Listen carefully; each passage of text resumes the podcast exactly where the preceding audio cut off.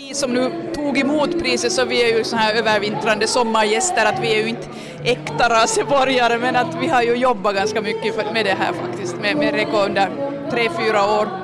Så att det är nog kiva att få. Jo, vad är det som har gjort att de har lyckats?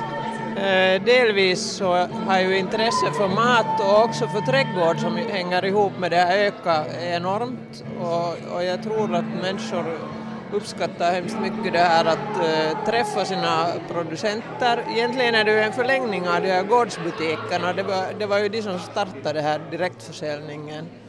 Och det är ju många gårdsproducenter som också är med i rekoringarna. Så att det, det har utvecklats från det här. Och uh, jag tror att människor sätter mycket värde på det här att de här kedjorna är kortare och du får köpa fräscha och fina saker och du vet vem som har odlat dem. Och, och det är också en möjlighet för sådana som, som eh, gör mat själva att komma ut och testa sina produkter.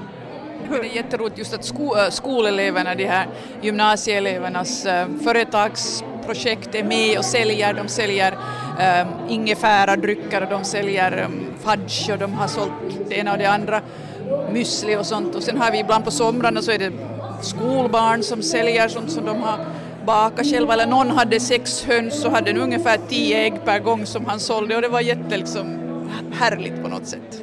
Alla är med.